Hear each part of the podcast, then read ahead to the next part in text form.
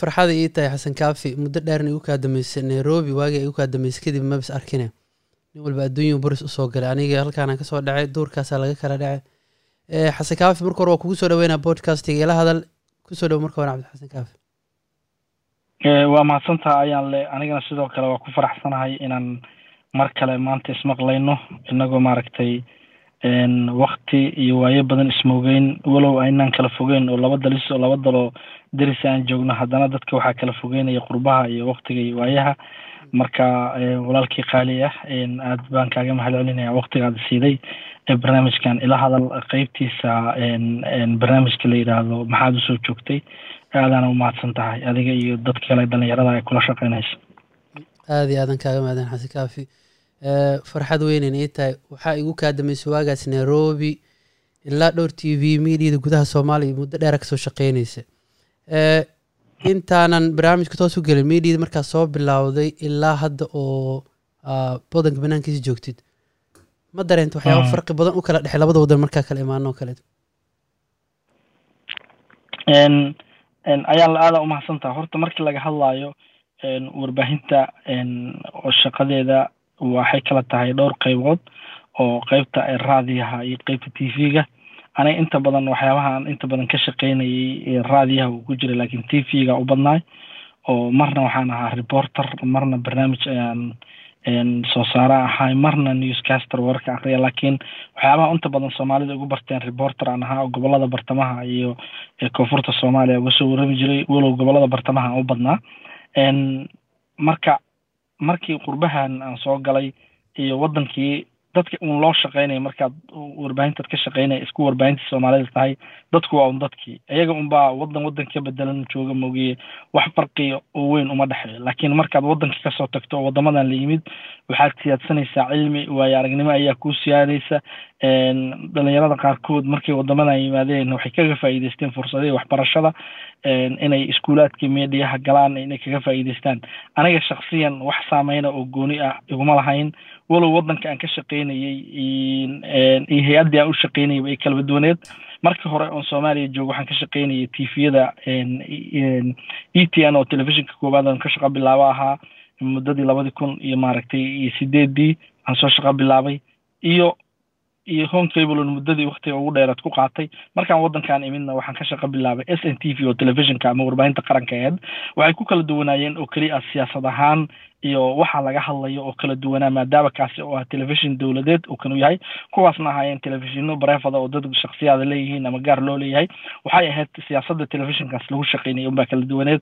Aniguna halkan markaan joogay ma ahayn barnaamij soo saare inta badan walow aan barnaamijyasa samayn jiray. Haddana waxay iska ahayeen barnaamijka iska xogsiya waad dareemi kartaa nin keligii meel joogo oo keligii isshaqaaleysiiya oo keligii isagu mishaar oo keligii isu shaqeeya oo keligii camera watahay waxa uu soo saari karaa waa un report keliya. Marka waktiga ugu badan waxay ahayd hadda intaan shaqeynayey oon telefishinka qaranka soomaaliya halkaan uga shaqeynayey wuxuu ahaa wakti aan xoogayga badan ku bixinayay inaan maaragtay iskaa waxu qabsacmo lagu shaqeeyo siyaasadda t v-yadaas looga shaqeynaya kan way kala bedelaayeen laakiin un keliya markaad wadankii joogto sidaad u shaqeynaysay un baad kala bedelan laakiin wax kalama bedelna keliya. Ah shaqadu un waa isla shaqadii aada weyn waxaan arkay xitaa hadda markaa anaada waddanka sweden markaa imaadoo kaleeto wariyaal badan ay joogeen. Waxaa dhib ahayd in oo wariyaasha soomaalida oo kaleeto ama xag wax ku soo wada bartay ama ka soo shaqeeya xataa inay shaqooyinka waddankan toos loo helo. Maraan isku dayano oo qof walba markuu isku dayaada inta badan way dhib badantay oo waxaa kuu diyeysa communityga ka soo jeedid kale ah. Qeyba ku yeelanaa systemkii siyaasaddii soomaaliya siyaasaddan oo laba kale ah. Yani raadiyaasha aad gudaha marka shaqeey qeyb oo soomaaliga bas ahayd markii sooska u baahan horta inta badan sameeyaan wayna dhib badan tahay in la sii dhexgalo waddanka qofka ku cusub waxtaa siyaasad noqonays. Hadda marka maxaa sameysa xasan kaabe? Waa mahadsanta ayaan le waddankan aan joogo anigu waxaan joogaa finland adna sweden aa joogtaa. Waxaan ku kala duwanaha laba arrin finland weli ma yeelan warbaahinta qaranka finland ma lahan raadiyo ama telefishin lagu tabiyo afka soomaaliga. Nasiib wanaag adinku waxaad nooga duwan tihiin waxaad tihiin warbaahin waxaa jirta oo af swedish ku baxda oo luuqada soomaaligana ku shaqeynaysa waana midda fursadda ina siinaysa inaad adinku maaragtay aada shaqaale ka noqotaan ama aad ka shaqaysaan. Annaga halkan ma jirto hay'ad dowladeed oo loo shaqeeyo ama warbaahin gaara oo iyadu dad shaqaalaysiisa. Aniga halkan markaan imid su'aashaadii markaa u soo laabto marka labadaas sababba waa ku kala duwannahay. Waddanka sweden waxaa joogta jaaliyad ballaaran oo aada u mug weyn oo aada u tiro badan. Waddankana dadka jooga labaatan kun ayay weli tirsiga ku sii cagacagaynayaan oo sideed iyo toban kun sagaal iyo toban kun dad sii cagacagaynaya wey weli waktigu aad iyo aad buu maaragtay tirada u kala fog tahay marka waa labadaas sababood inaan weli aysan jirin baahiyo ama mataqaanaa jaaliyadda waddanka aanun xoogga saarin inay telefishinka ama warbaahinta qaranka waddankan ule radio ama ule t v inay inay af soomaali ku soo lagu soo kordhiyo iyaguna ay qayb ka noqdaan.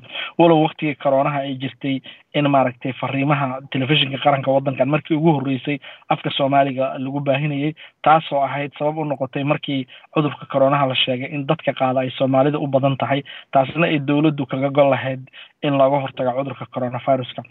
Markaan u soo laabto su'aasha hadda maxaad qabataa? Hadda waxaan ka shaqeeyaa warbaahin inagu aan aasaasnay oo anigii koox kale ah oo la yidhaahdo nordic media twenty four oo social media platform awoodoodu tahay oo barnaamijyo life sameyda oo barnaamijyo mataqaanaa wacyigelina arrimaha bulshada iyo siyaasadda lagu falanqeeyo kaasoo dalka finland iyo guud ahaanba waddamada nordigaba ka howlgasho oo warbixino ka sameysa walow arrimaha soomaaliyana aan si weyn maaragtay maaragtay aan wax uga qorno ama aan uga hadalno inta badan. Marka hadda waxaan shaqadayda ugu badan ama xoogayga mediaha aan saaray aan ka shaqaynaa aniga iyo koox kale oo mataqaanaa wariyaal ah oo aan kala howlgalaa n m twenty four ama nordic media twenty four oo ah warbaahin dalkan finland salkeedu ah aada iyo aad.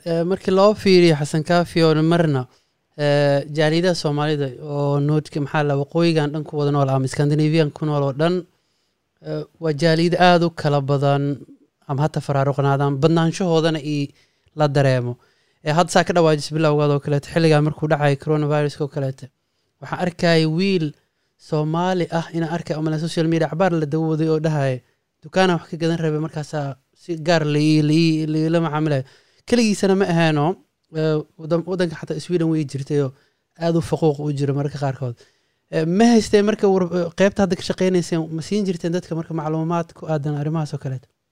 Haddaan kaga faa'iidaysano ha ayaan le waa siin jirnay macluumaad ku salaysan ka hortaga cudurka coronaviruska inagoo iskeena weliba mataqaanaa shaqada u wadnay oo aysan jirin urur ama hay'ad aan taa kula ka helaynay maadaama bulshada aan ka noolnahay bulshada warka siinaynay iyo bulshada aan la noolnahaba ay bulshadeeni soomaaliyeed yihiin waxaa waajib naga saarnaa inaan maaragtay dadkaas aan war u tabino waxaan aada iyo aada ugu mahad celinayaa weli xaashi oo ah wariye madax bannaan oo warbaahinta qaranka dalkan finland inta badan documentariyo ama barnaamijyo ka sii daaya oo wariyaha soomaaliyeed ee keliya telefishinka qaranka barnaamijyadiisu ka baxaan uu yahay oo kaalin weyn ka ciyaaray sidii ummadda soomaaliyeed ee dalkan finland ku nool ay fariimahan u gaari lahaayeen ahaana qofkii suurtageliyey in telefishinka qaranka ee dalkan finland ula t v uu barnaamijkaasi ka baxo innaga ka shaksi ahaan iyo nordic media ahaan ama n m twenty four oo nordic media loo soo gaabiyo waxaan dowrkeeda ka qaadanay sidii aan maaragtay dadka soomaaliyeed ee waddankan finland ku nool ay u heli lahaayeen macluumaad la xiriira cudurka coronaviruska iyo sida looga hortegi lahaa.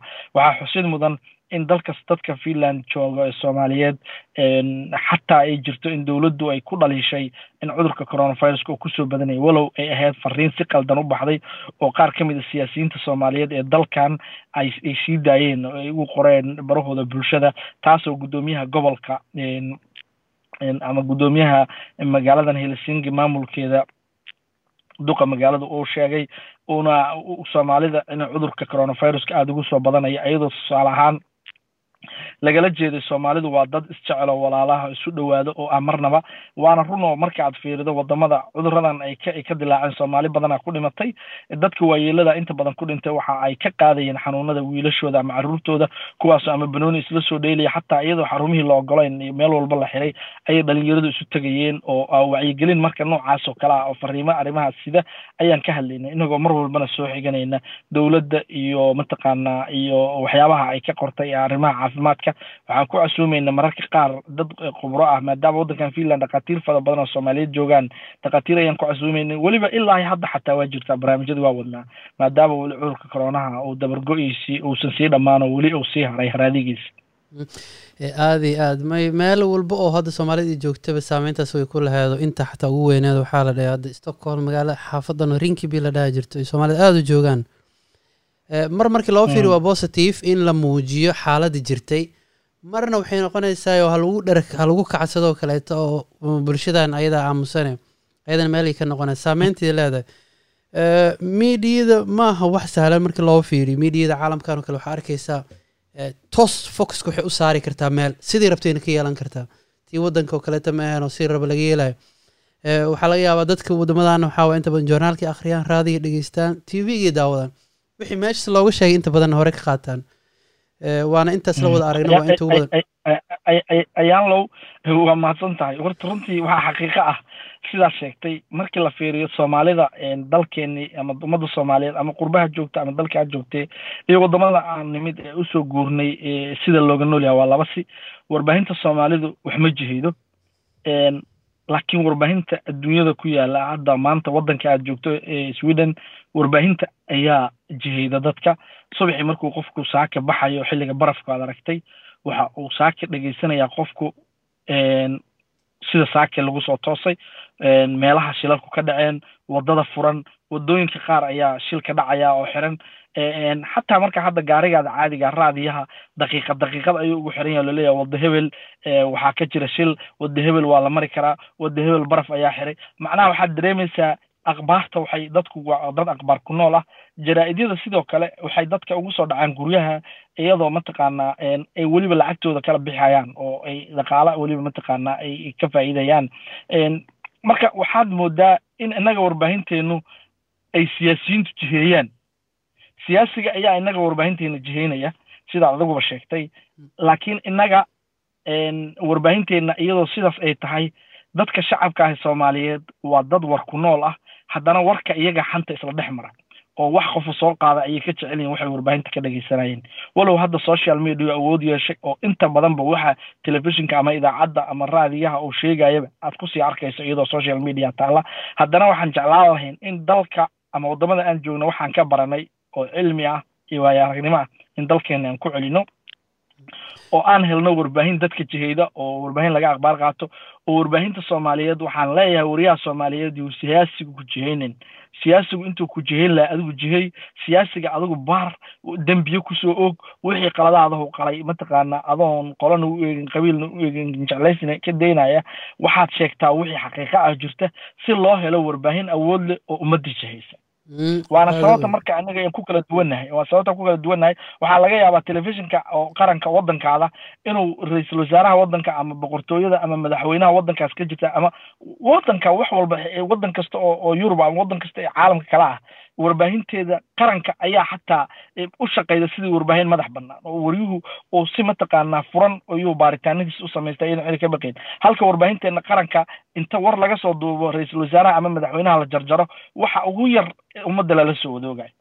Marka waxaad dareemi kartaa farqiga innaga warbaahin ahaan noo dhexeeya tan caalamka iyo teeni my qualityga markii la dhaho qiimaha haantas markii loo dhaho aada iyo aad hadda waxaa arkay aniga inta waxaan leenahay kanaal la yidhaahdo s v t waa sweden t v.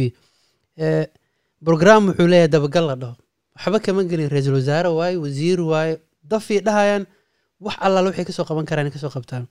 Waana waxa keliya aan u dhahan insha allah hadduu ilahay warbaahinadana warbaahin badan waa aragta waa ka shaqeynaysa ilaa intan waa joogtee markaa dib u fiirisa xalana marka maxaa kugu yaabka badnaa markaa fiirisay bulshada soomaalida hadda finland ku nool oo kale ilaa wadankii aad ka soo tagto maxaa kugu yaab badnaa intaa shaqeynaysa oo warbixinadii kugu yaabkan aan ka xasuusan kartaa? Wallahi niyo horta aniga waxyaabihii iigu yaabka badnaa iguna naxdinta badneed warbixino badan way jirtaa laakiin midaan ka xusi karaa aanan waaye aragnimo ka dhaxlay oo ahayd in maaragtay inaan wax ku qaato. Iniga oo magaalada galkacyo jooga oo xarunta gobolka mudug ayaa qeybta galmudug waxaa toogasho loo soo xiray nin macnaha waxaan ka hadlayaa weriyaha markuu wax tabinayo inuu xataa riskiga iska eego iyo mushkiladda ay leedahay. Macnaha layaab oo oo toosa maaha laakiin waxaan qofka marka moor wax badan sii joogtaba waxaad ka dhexlaysaa waayo aragnimo marka anoo laga yaabo warbixintaasi dakli ama dhaqaalo gooni inaana ku helaynin qofuna mataqaanaa aysan cadaadis ugu saaraynin ayaan go'aansaday iyadoo wariyaasha subaxii lagu soo wargeliyey gaalkacyo in aan maaragtay maanta qol nin la tooganayo oo fagaaraha lagu tooganayo magaalada gaalkacyo ninkaasuu nin dilay. Warkian soo qaaday waxaan ka mid ahaa wariyaashii ugu horreeyey ee warka sameeya. Warkian diray isla saacaddii warkii la daawaday aniga waxaa taargid layga dhigtay. Ilaa aan habeenkii ninkii nimankii ninkii la dhashay ayaa waxay mataqaanaa magaalada iga raadinaya ayaa ayaa la ii sheegay.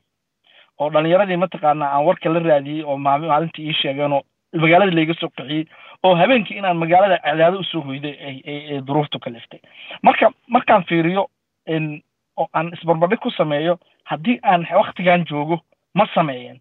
Sababto wax iga soo galaa ma jirin.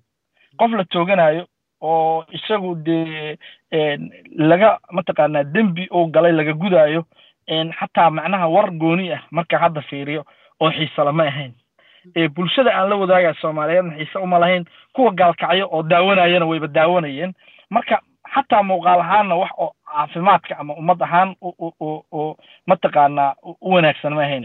Waxyaabihii aniga intaan shaqo ku jiray iyo guyaabka badnaa ama aan isdhigi karo waxaad kala ka heli kartaa waayo aragnimo aad dhalinyarada kale iyo ragga kale ee maaragtay saaxiibadana la wadaagi kartaa waxaa ka mid ah mar aan aan shaqo shaqadii iigu horreysaba aan ka bilaabo magaaladii aan ku barbaaray gobollada dhexe gurcaal ayaan safar ku yimid inaga oo muddo ka maqnaa oo waddamadan afrika ka yimid. Markaan dib ugu soo laabtay waxaan maaragtay xiriiro intii aanan iman ka hor aan isla samaynay rag dhalinyara oo saaxiibaday oo weriyaala oo maaragtay magaalada muqdisho iyo gobollada dalka kale joogay iyo qaar nairobi jooga iyo marka waxyaabihii marka aan markaan hore ka imid ba horaan shaqadii ka sii watay oo iska shaqo bilaabay. Marka waxaa dhacday in magaalada maadaama aanan aan dee xilli hore dee iigu dambeysay magaaladii markaan ku soo laabtay waxaa dhacday inaan raadiyo ku yaalla magaalada gaalkacyo gabar joogta habeenay soo wacdo wakti yar dabadeed intay maalmo yar kooban. Marka waxay tiri nin waxaan u baahanahay inaad maaragtay barnaamijka caafimaadka nin dhakhtara inaad iiga raadido magaalada. Magaalada marka waxaa ku yaalla staal staal la yidhaahdo staalka sterlin oo hosbitaal oo staalka magaalada ugu weyn. Waxaa gacanta ku hayso staalka maamusha hay'adda la yidhaahdo m s f. Marka waxaa hay'adda siyaasadeeda ka mid a in qof dhakhaatiistaas ka mid ah uusan waraysi sii karin warbaahin aysan ogolaasho ka haysan. Marka waan la xiriiray xiriiraan la sameeyey dhalinyaro mataqaanaa oo dhakhaatiir iyo waxaa la yidhi nihu dhakhtar meeshaan jooga maba hadli karaba. Marka dhakhtar cabaas dhakhtar la yidhahdo meesha joogaa inta badan islaha amaad yaraha shaaho. Adiga waa uun adkaatay dhakhtarka ugu weynaa iyo mataqaanaa iro kaloo dharo dhalinyaraha dhakhaatiiro badan way suurtoobi weys nin dhalinyaraha ka mid ahaayo axmed la yidhahda wuxuu yidhi niyahow waxaan ku hayaa dhakhtar la yidhahda dhakhtar kimiko marka sheekada dhaktar kimiko marka waxaan rabaa si dadka daawanaya u fahmaan dhaktar kimikada waa nin ka yimid gobolka hiiraan oo gobolka galgaduud la keenay loona keenay inuu iskuol mataqaanaa dugsi saraa wax ka dhigo oo hay'ad ay magaalada keentay loona keenay arrintaas awgeed. Muddo yaro markuu joogo adiga mataqaanaa sanad ku dhowaad ah wuxuu arkay inay baahi caafimaad iyo dhakhaatiir bareefad ay magaalada ka maqan yihiin. Sidaas ayuu maqaayadan inuu dhakhtar yahay ayuu ku shita. Anuu marka waxba kama ogi magaalada muddo yaran joogaa muddada yaroo joogana dee waxaa igu soo kooban waxaa mataqaanaa intii yareedan joogay waxaa wax dhakhtara iyo mataqaanaa oo weliba howlahooda macnaha duruuf iguma kalifin inaan dhakhtar raadiyo. Gabadhaasoo isoo wacday idaacaddaasoo mataqaanaa oo tiri waxaan u baahannahay qof aan warays ka qaadano ayuunbaa keentay inaan dhakhtarkan ku raadiyo ninkiiaa gurigiisa oo isagoo joog waa la ii ballamiyey adiga laba habeen kadib habeenkii gurigiisa oo joogaan taleefonka idaacadda mataqaanaa ugu geeyey isaga taleefonkaygii waraysiga laga qaado. Markuu waraysigii dhammaystay ayuu wuxuu yidhi nin waa kuu baahnaaba. Nin wariyaa mataqaanaa oo waxaan u baahnaa xayisiin i sameeya.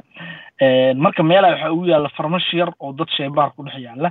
Marka wuxuu yidhi nin waxaan u baahanahay qof mataqaanaa iga iga isheg waxaan u baahanahay xayisiin i sameeya meesha marka waxaa ku dhex taalla idaacaddii hon afric ayaa marka idaacaday ho ay dhex marto ayaa meesha ku taala xaysiin yar nin magaalada meesha joogo farsamo codaan u duubnay waa u gelinay xoogaagiisiyaa laga qaaday. Malaha ninku dhakhtarba maaha macnaha marka hadda aan dib u fiiriyo barnaamijkaasi mushkiladda uu keenay waa mushkilad aan wax waaye aragnimo badan ka dhexlay.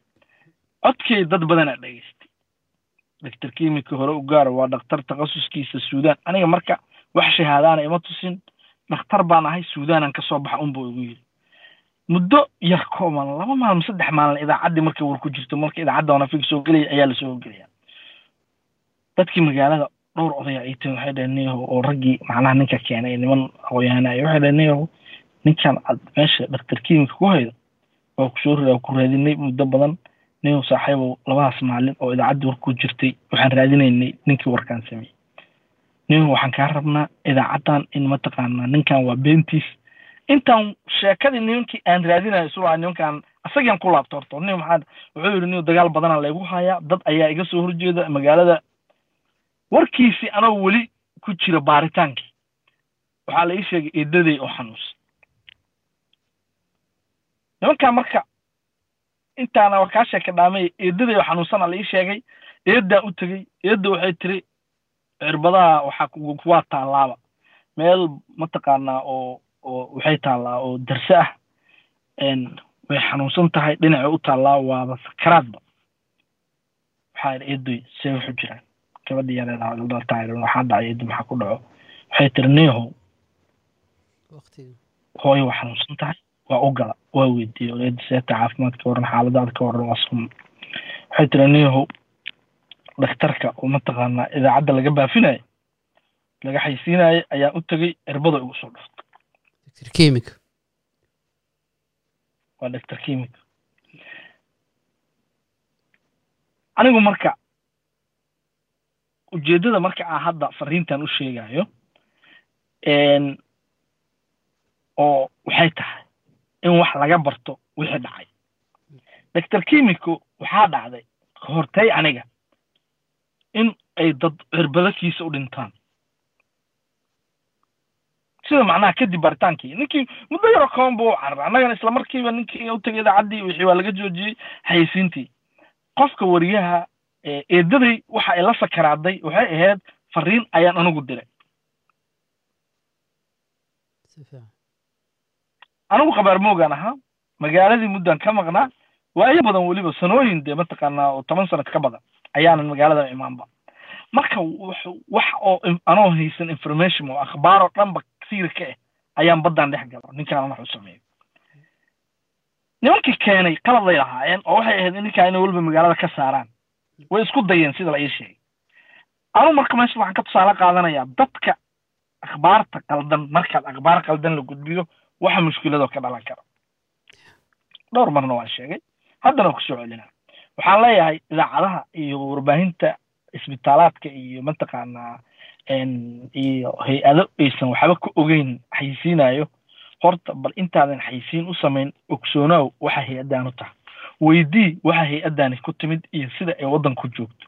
Ogow qofkan waxa uu yahay waxaa la ii sheegay ninka intuu cararo ceelasha biyaha tegay doctor kimiko inuu ka furto xarun caafimaad. Oo weliba nin dhallinyaradii magaalada ka mid a hore u kaxaysto dhakhtarkan isagana mataqaanaa yaro haweysnaayo meeshii la shita maqaayadii. Oo dad magaaladii markuu ka cararayo ogaanta xagga ugu tageen ayadoo fayl lagu jiro dhakhtar hebelaa yimid magaaladii laleeyahayo waxa waaye iyagoo islaba dhakhtarkan ka gaara ilaahay iniin soo diray inay haddana ninkii ugu tageen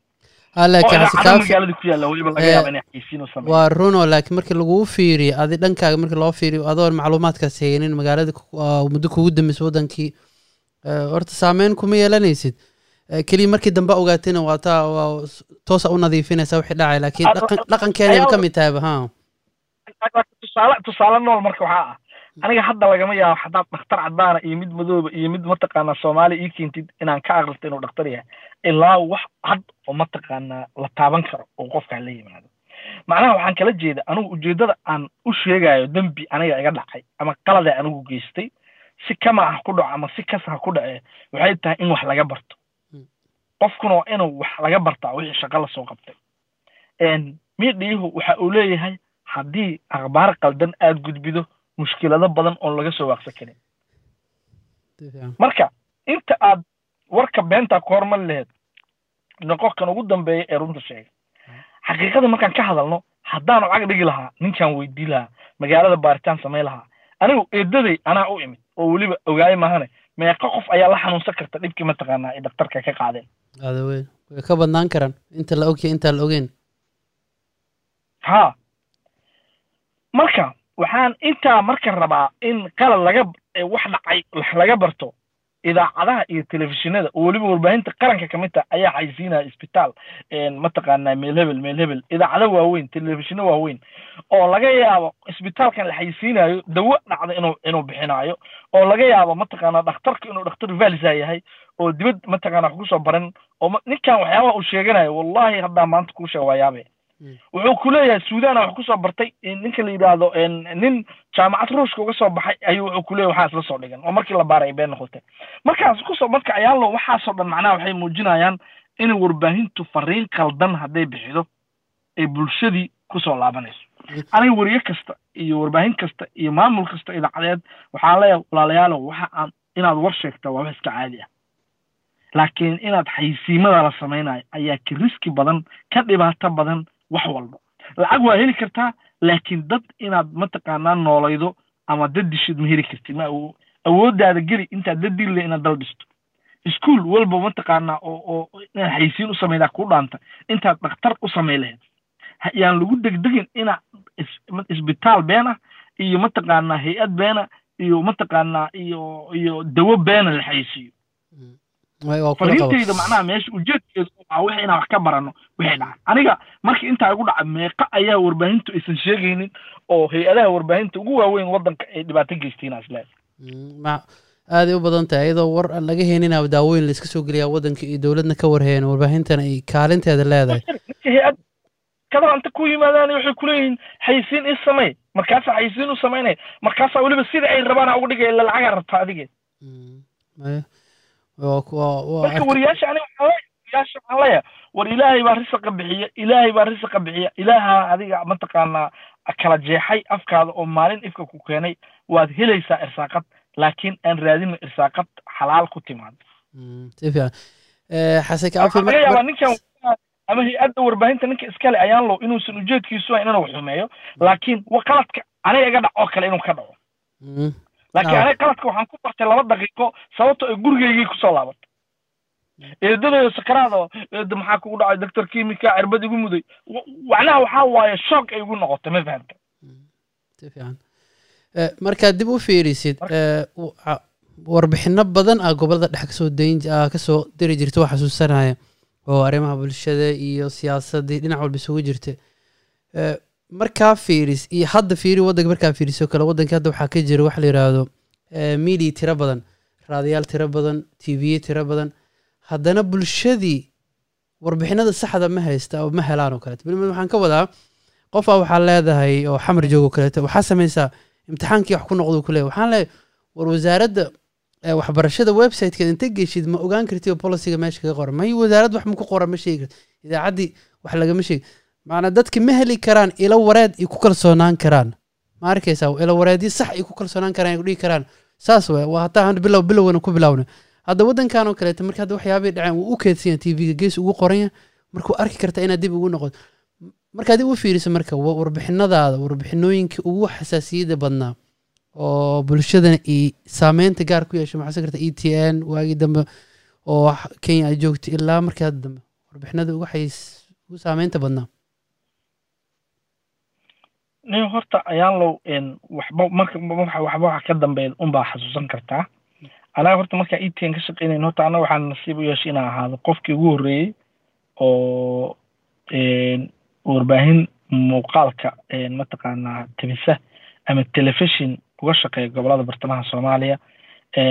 Un telefishinkaasina bartamaha soomaaliya markaan kuleeya waa gaalkacyo iyo inta ka dhexeyda mataqaanaa beledweyne inta udhexeyda magaalooyinkaas waaweyn inta udhexeyda ayaan anigu waxaan ahaa qofka wariye ah ee wixii ka dhaca. Tusaale wixii kala bayr ka dhaca oo hiiraan ka tirsan oo wariyaasha joog aysan imaan karin ayaan anigu mataqaanaa aan tamin jiray. Wayna adkeed weliba xataa marka anigu shaqo bilaabayay markaan maanta tusaale u soo qaado labada kun iyo labaatanka iyo xilligaas waxaa xataa adkeed inaan waxaan xasuustaa anoo warkii ugu horreysay inta qaadnaba beledweyne mataqaanaa inaan u soo samayno ku soo aadno ilaa mataqaanaa inagu aan awood isku intaa waana dareemi kartaa marka meel zero laga bilaabay intay la egtahay iyo awooddeeda marka waxaan dagaalo xilli dagaalo ay jiraan colaado ay jiraan oo mataqaanaa weli waxyaabaha igu yaabka badan waxay tahay al-shabaab waaba la yaqaanay ahlu sunna si dagaalkooda loo tabiyo. Laakiin marba mar ka dambeed hadda waxaa laga yaaba ayaan la wixii hore adigu aad tabi jirta markaad dib u dhegeysta marka laftigaada inay iskaa diidaan. Dad isdagaalay ayaa waxaa lagu leeyahay beelo walaalo ah. Fere waxaa dagaalamaya al-shabaab waa la yaqaanaa. Al-shabaab iyo maamulkii ahlu sunna oo gobollada bartamaha iyo koonfurta soomaaliya ku dagaalamayay waxay ahaayeen ururo ku dagaalamaya mabaadi diimeed oo midba wax aaminsanaa. Waxa ay ku dhimanayaanna waxay ahayd qaacidooyin ama waxay iyagu aaminsan yihiin caqiide ah iyo fikir oo aaminsan yaha midba midka kale. Walow dadka qaarkood oo dagaalamayay ee ahlu sunna weliba anu aan dhihi karo dagaalamayay waxay u dagaalamayeen caqiido iyo qaar u dagaalamaya deegaankooda inay al-shabaab ka xoreeyaan oo dhibaatada al-shabaab ay lahaayeen arkay marka aan marka u soo laabano dagaaladii beelaha nabadaynta waa la gartay laakiin weriyaha wuxuu isku dayayaa inuu meeshaas wanaag ka qayb qaato. Waxa uu leeyahay laba beelood oo walaalo ah dagaal ku dhex maray waxaana mataqaanaa ku dhintay dad intaa la eg haddana mataqaanaa waxaa ku baxay dad kale oo mataqaanaa nabadayn ah waxyaabaha marka aan hadda dib u fiirsado waxaa ka mid a marka annaga aan lahayn beelo walaalo ahaa dagaalamay rabicin ka wanaagsan oo kale ma jirin ilaa haddana weriyaashu way adeegsadaan marka haddii dadkan ay walaala yihiin sidee dhiig iskaga daadiyeen waaba walaalo waa run way wada dhasheen laakiin hadday walaala yihiin dadkan su'aalaha aniga hadda isweydiinayo marka maskaxdayda aan su'aal ka hor dhiga waxaa ka mid a beelo walaalaha dagaalamaan dhahnay weriyaasha dhanna weli way ka midaysan yihiin war hadday walaalo yihiin oo wax uun walaalay ay jiraan sidee dhiig iskaga daadiyeen dadkan su'aal su'aal meesheeda tala waay oo isweydiinteeda mudan iyagoo weliba iyagoo weliba iyagoo shalay iska daadiyey maanta wada fadhiistay ay beri iskaga daadi karaan. Laakiin ma ma jirin ku xisaabtan center warbixin. haddii la yidhahdo kawar laba beelood oo isdagaas maxaa maxaa dhiba ila walaala haddii macnaha walaala maba ahanba mar dhiig adiga ama walaalkaa maalin walba dili karti may ma dhacayso anigu aaminsan oo ah dadkaasi macnaha erey bixinta loo samaynayo ayaaba ayaaba mataqaanaa qaldaneedma sababtoo ah waxay ahayd meesha mataqaanaa annaga xilliga aan hadda warbaahinta soomaalidana kuma dhaliilayo sababtoo ee duruuftii dhaqaalihii wacdigii wadcigii iyo xaaladda lagu shaqaynaa ayaa mar walba wax soo saaray. Sababtoo ee telefishinkan ama idaacaddaani ma lahan hay'ad warbaahineed oo dhaqaalo fara badan lamaahan xaysiimo badan ama mataqaanaa waddan daklila kama soo jeedo. Waxaan mataqaanaa inta awoodda yaray samaynayso iyo weriyaha inta uu soo tabinayo ayaaba ahba in xataa wadda mataqaanaa oo oo dee waxaa waaye intaasaaba awood badan iyo mataqaanaa xoog badan lagu bixiyey. Inta badan weriyaashna tabartooday ku xisaabtamaan oo kaamiro yar iska haystaan waxaa arkaysaa weriyihii inuusa awoodin wixii oo dhan inuu ka gaarsiinayo muuqaalkaas inuu helo maanta si allaala siduu ku heli lahaa waa dareemi karaa wax kasta. Ani e t m waa taa xamar qeybaan ka joognaa u soo qaato anaan xasuusan mid mid u xasuusan. Horta ana inta badan waxyaabahan tabi jirna waxay ahaayeen dhibaatooyinka dagaalka ka dhasha dagaalku markuu dhasho wixii ka dhacay iyo mataqaanaa dadkii dhibaatooyinku gaareen. Inta badan hadda annaga berigii u dambeysay berigii hore dagaal markuu meel ka dhaco dad isdagaalaan inta badan ma aana tabinin sababtoo ah waxyaabaha ka dhalan kara waa markii hore oo ugu horreysay waa waxyaaba mataqaanaa waa sii dayn jirnay. Laakiin idaacadaha iyo xarumaha la shaqey jirnay qaarkood way ku adkaatay maalin walba in ilaa waxaan degannaha meel soon aho dagaal oo mataqaana mushkilado iskaga furan yihiin. Marka mar walba waxaan markii dambe qaadanaynay nabadaynta. Inaan markii dadkaasna la nabadaynayo aan mataqaanaa kaalin ka qaadano inaan codkoodii baahino. Sababtoo markii dagaal aad baahido waxyaabaha mataqaana hadda anoo xasuusta waxaa ka mid a markaad dagaal baahido oo hadda mataqaana dib aan ogaanayo dagaal markaad baahido warkaas aad baahiday nin fadhiyo ee yurub jooga ama america jooga maqlaaya wuxuuba reerkoodii u abaabulaya inuu lacag u diro. Marka waa qayb kale oo fariin mataqaana uu qofkaasi meesha ka helayo walow uu telefonka iska jiro laakiin xilliyada qaar telefonada ma ma ma fududaan karaan. Marka isku soo wada duubo fariinta wariyaha horta gobol soomaaliya gobol ay jooga ama degmo jooga ama wadankii jooga horta waxaan is leeyahay soomaaliya maanta meesha ay ka dhima la-dahay waa wariyaasha. Wax badan oo wanaaga way soo qabteen laakiin maanta meesha looga baahan yahay oo aniga aan raba galabta inaan inaan mataqaana aan meeshan ka sheego waxay tahay maanta meesha waxa looga baahan yahay waxay tahay warbintii hore waxaan ku jirnay inaan wax ka baranno wixii dhacay. Maadaama waddanka hadda dowladnimadii cageeda isku taagayso baaritaanaha la bilaabo ninaa nin dilay. Tusaale waxaa maqlaysaa in la yidhaahdo inaad in la yidhaahdo kooxo aan la garan dabley aan la garanayn ayaa dad ku dishay. Markaad tiraa dabley aan la garanayn ninkii ninkaas dilay waad dareemi kartaa waxaa waaye wa haystaa fariinta inaan la ogaanba. Laakiin macnaha waxaa waaye haddii ay weriyaashu baaritaano sameeyaan oo xataa ay mataqaanaa ay de wax la bara karo cilmiga oon weyneyne baaritaanadaas wax badan ayay dalkan ka qaban karaa. Waxa ugu badan xataa haddii la is yidhaahdo war dalkan waa dal mushkilado ka daalay dhinacan kale xataa aan iska dhaafno waxa ay al-shabaab iyo ururada xagjirka iyo dhibaatooyinka waddankan ka dhaca iyo tuugadu iyo mushkiladaha iyo qabaa iyo horjoogayaasha ururada iyo maamulada dhibaatada ay dadkan u geystaan. Maanta waxaan dareemi karnaa in kufsigii xataa oo xarkaha goosta iyadoo ururo inay inay ka dambeeyaan laysku raacsan yahay. Ururo ay ku soo qaateen mashaariic. Waxaas hadday heli lahayd warbaahin baarta waxaan rumaysanaha in maanta wax dalkan ka dhacay iska dhicin marka waxaan leeyahay war aan wax ka baranno dilkan annagaa iska cid kalena lama lahan inaan wax ka baranno inaan dood keliya samayno inaan mataqaanaa barnaamij oo entertainmentiya samayno keliya dalna laguma hagi karo warbaahinna ma noqon karto. Sida aad hore u sheegtay ayaan le waddankan aad joogto waxa uu leeyahay qayb baaritaanka telefishinka qaranka waddankaasi ama idaacadda waxa ay baartaa xataa dowladda waxa ay samaydo wasiirada la daba dhigtaa mataqaana akoonadooda ayaa la baaraa waxaa mataqaana wax isdabamarinta iyo waxay saxdeen la sheegaa waa lagu amaalmariyaa waa la soo bandhigaa ina waxaan u baahannahay haddaan awoodi karin xataa warbaahin dowladdii mataqaana waa la gaari karaa berri laakiin calal aqali waa in wax la soo bandhigo wariyaasha ay awoodi karaan wax inay samayn karaan isku dayi karaan wax badan ay samayn karaan wariyaha iyo dowladda xiriir wariyaha iyo dowladda xiriir wanaagsana ka dhexeeya kan maanta jira kii shala jira la mid maaha. Shalay xamar xaafad ka mid a ayaan u gudbi karin laakiin maanta wariyaha xamar jooga gaari yaroo wataa mataqaanaa oo cad meeshoo rabona maraa. Walow waddooyinka iyo xaaladdu iska adag tahay laakiin waa wax beri laga bixi doono. Laakiin mustaqbalka waa inaanan ku sii jirin wixii shala lagu shaqeeyey may waa kula qaba si fiican aad iyo aad. inay inaan wax ka baran karno adduunkan hormaray iyo dhacdooyinka nagu soo dhacay iyo waxaasoo dhan wax laga fahmi karo waa ruwanda oo kaleeto miya gobola afrikada dhexe oo kaleeto idaacadii ahayd oo qabiil qabiil intii u xayisiisatay ka dhacda waa la ogaa. May horta heerkaas anana maana gaarino laakiin way tegaysaa hadda. Waa warbixin la tabiyey kenya dada loo maxkamadiyey. Wariyaala loo maxkamadiyey. Oo maxkamada ku mutaysta ruwanda wariyaala mataqaana ayaa ayaa ka qayb qaatay xasuuqii dhacay oo mataqaana dee waxa waana maalin walbaan annaga ka qayb qaadana wariyaal ama dalka jooga ama dibadda jooga laakiin aysan jirin cid maxkamad la soo istaagay. Maxkamadaynta xitaa habe la gaaraba iyo arrin waa arrin kale. Laakiin waa in baaritaano un waa inay dadka qaar baaritaano sameeyaan. Ay waa waajiba xitaa aysan isku haleen. Mararka qaarkood waxaa umalaysa idaacadaha hadalka. Kowan waa ku bilaabne idaacadaha qaarkooda waxay u dhisan yihiin qaab qabiil ah oo waxaa dareemaysa qabiilkaas xataa siyaasadiisa u gudbi karin. Haddaa idhahdaa idaacaddan ninka directorka ka ah reerkiisan mas'uul ah ama gacan maxaa la yidhahdaa hogaami kooxeed oo kaleeto wax ka baara. Idaacadda ma ku soo celin karti maana warka jawa lagaa celina. Ma iyada laftirkeeda abuurisiina noqonaysaa ayadana wariyaasha xamar jooga ama waddamada waddanka jooga dhan waxaa waaye dagaalkoodii ku jiraan oo intii dadaali karaan dadaal laakiin saa sheegayna waayo waxay u baahan yihiin waqti kaloo dheeri ah hadda saan hore u sheegnayna waddanka idaacado badanaa jiro warbixinada dadka kuwii saxdaa la rabina ma gaaraan oo waa dareemaysaa sidii wax ku jira maxaa is kartaa marka maxaa kuu muuqanaya mustaqbalka wax in isbedeli karaan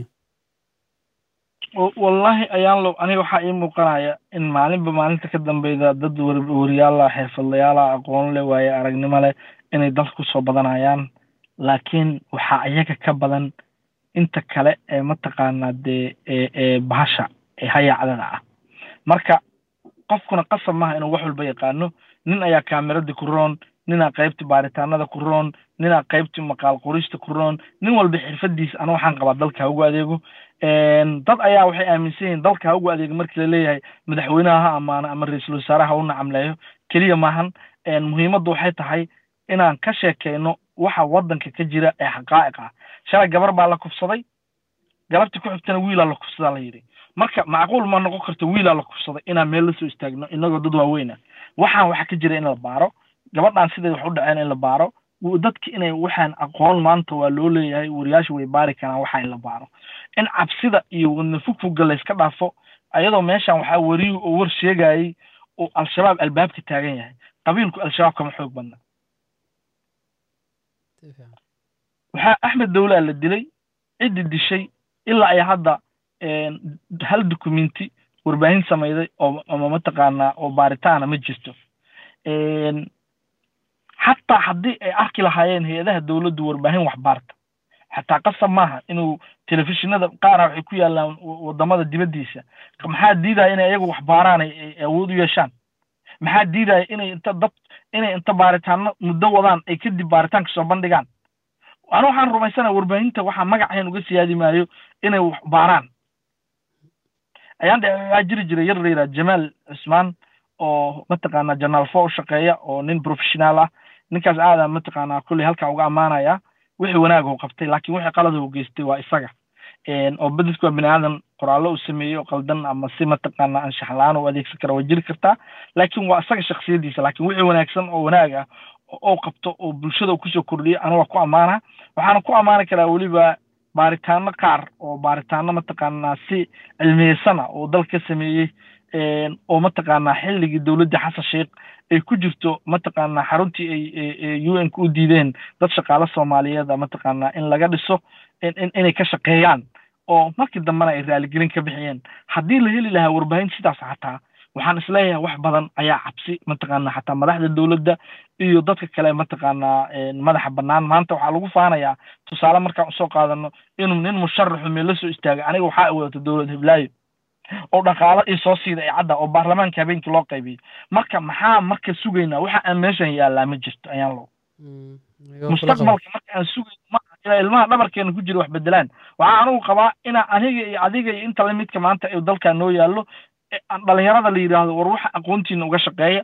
Dad badan oo waaye araga naga naga aqoon badan waxaan aqoontooda tahay xirfadla ah ayaa jiro. Waxaan rumaysanahay haddii iyagu ay ka go-an tahay waddanka inay wax ka qabtaan inay wax laga qaban karo. Warbaahintu waa inaysan raadin dhaqaale keliya laakiin ay raadidaa dadka inay wax gelido.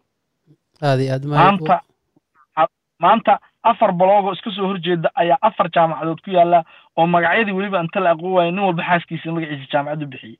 Macnaha waa wixii harkihii goosata waxay lacagtii lacagtii mataqaanaa eh, waxaa waaye waxbarashadii jaamacada u yar lacagtii kuna mataqaanaa u yar waa wax mataqaanaa dee akliga bini aadanka aan geli karin.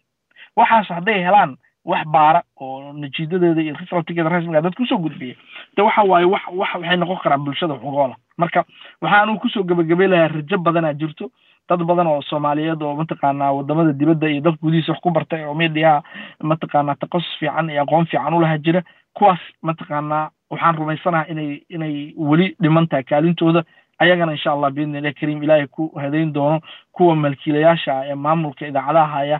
Muddo waad soo maasheen dadkan dhiigooda waad soo cabteen. Wakti siiya ummadda inaad u adeegtaan oo markaan ay noqoto qalinka xilliga loogu adeegi lahaa bulshada.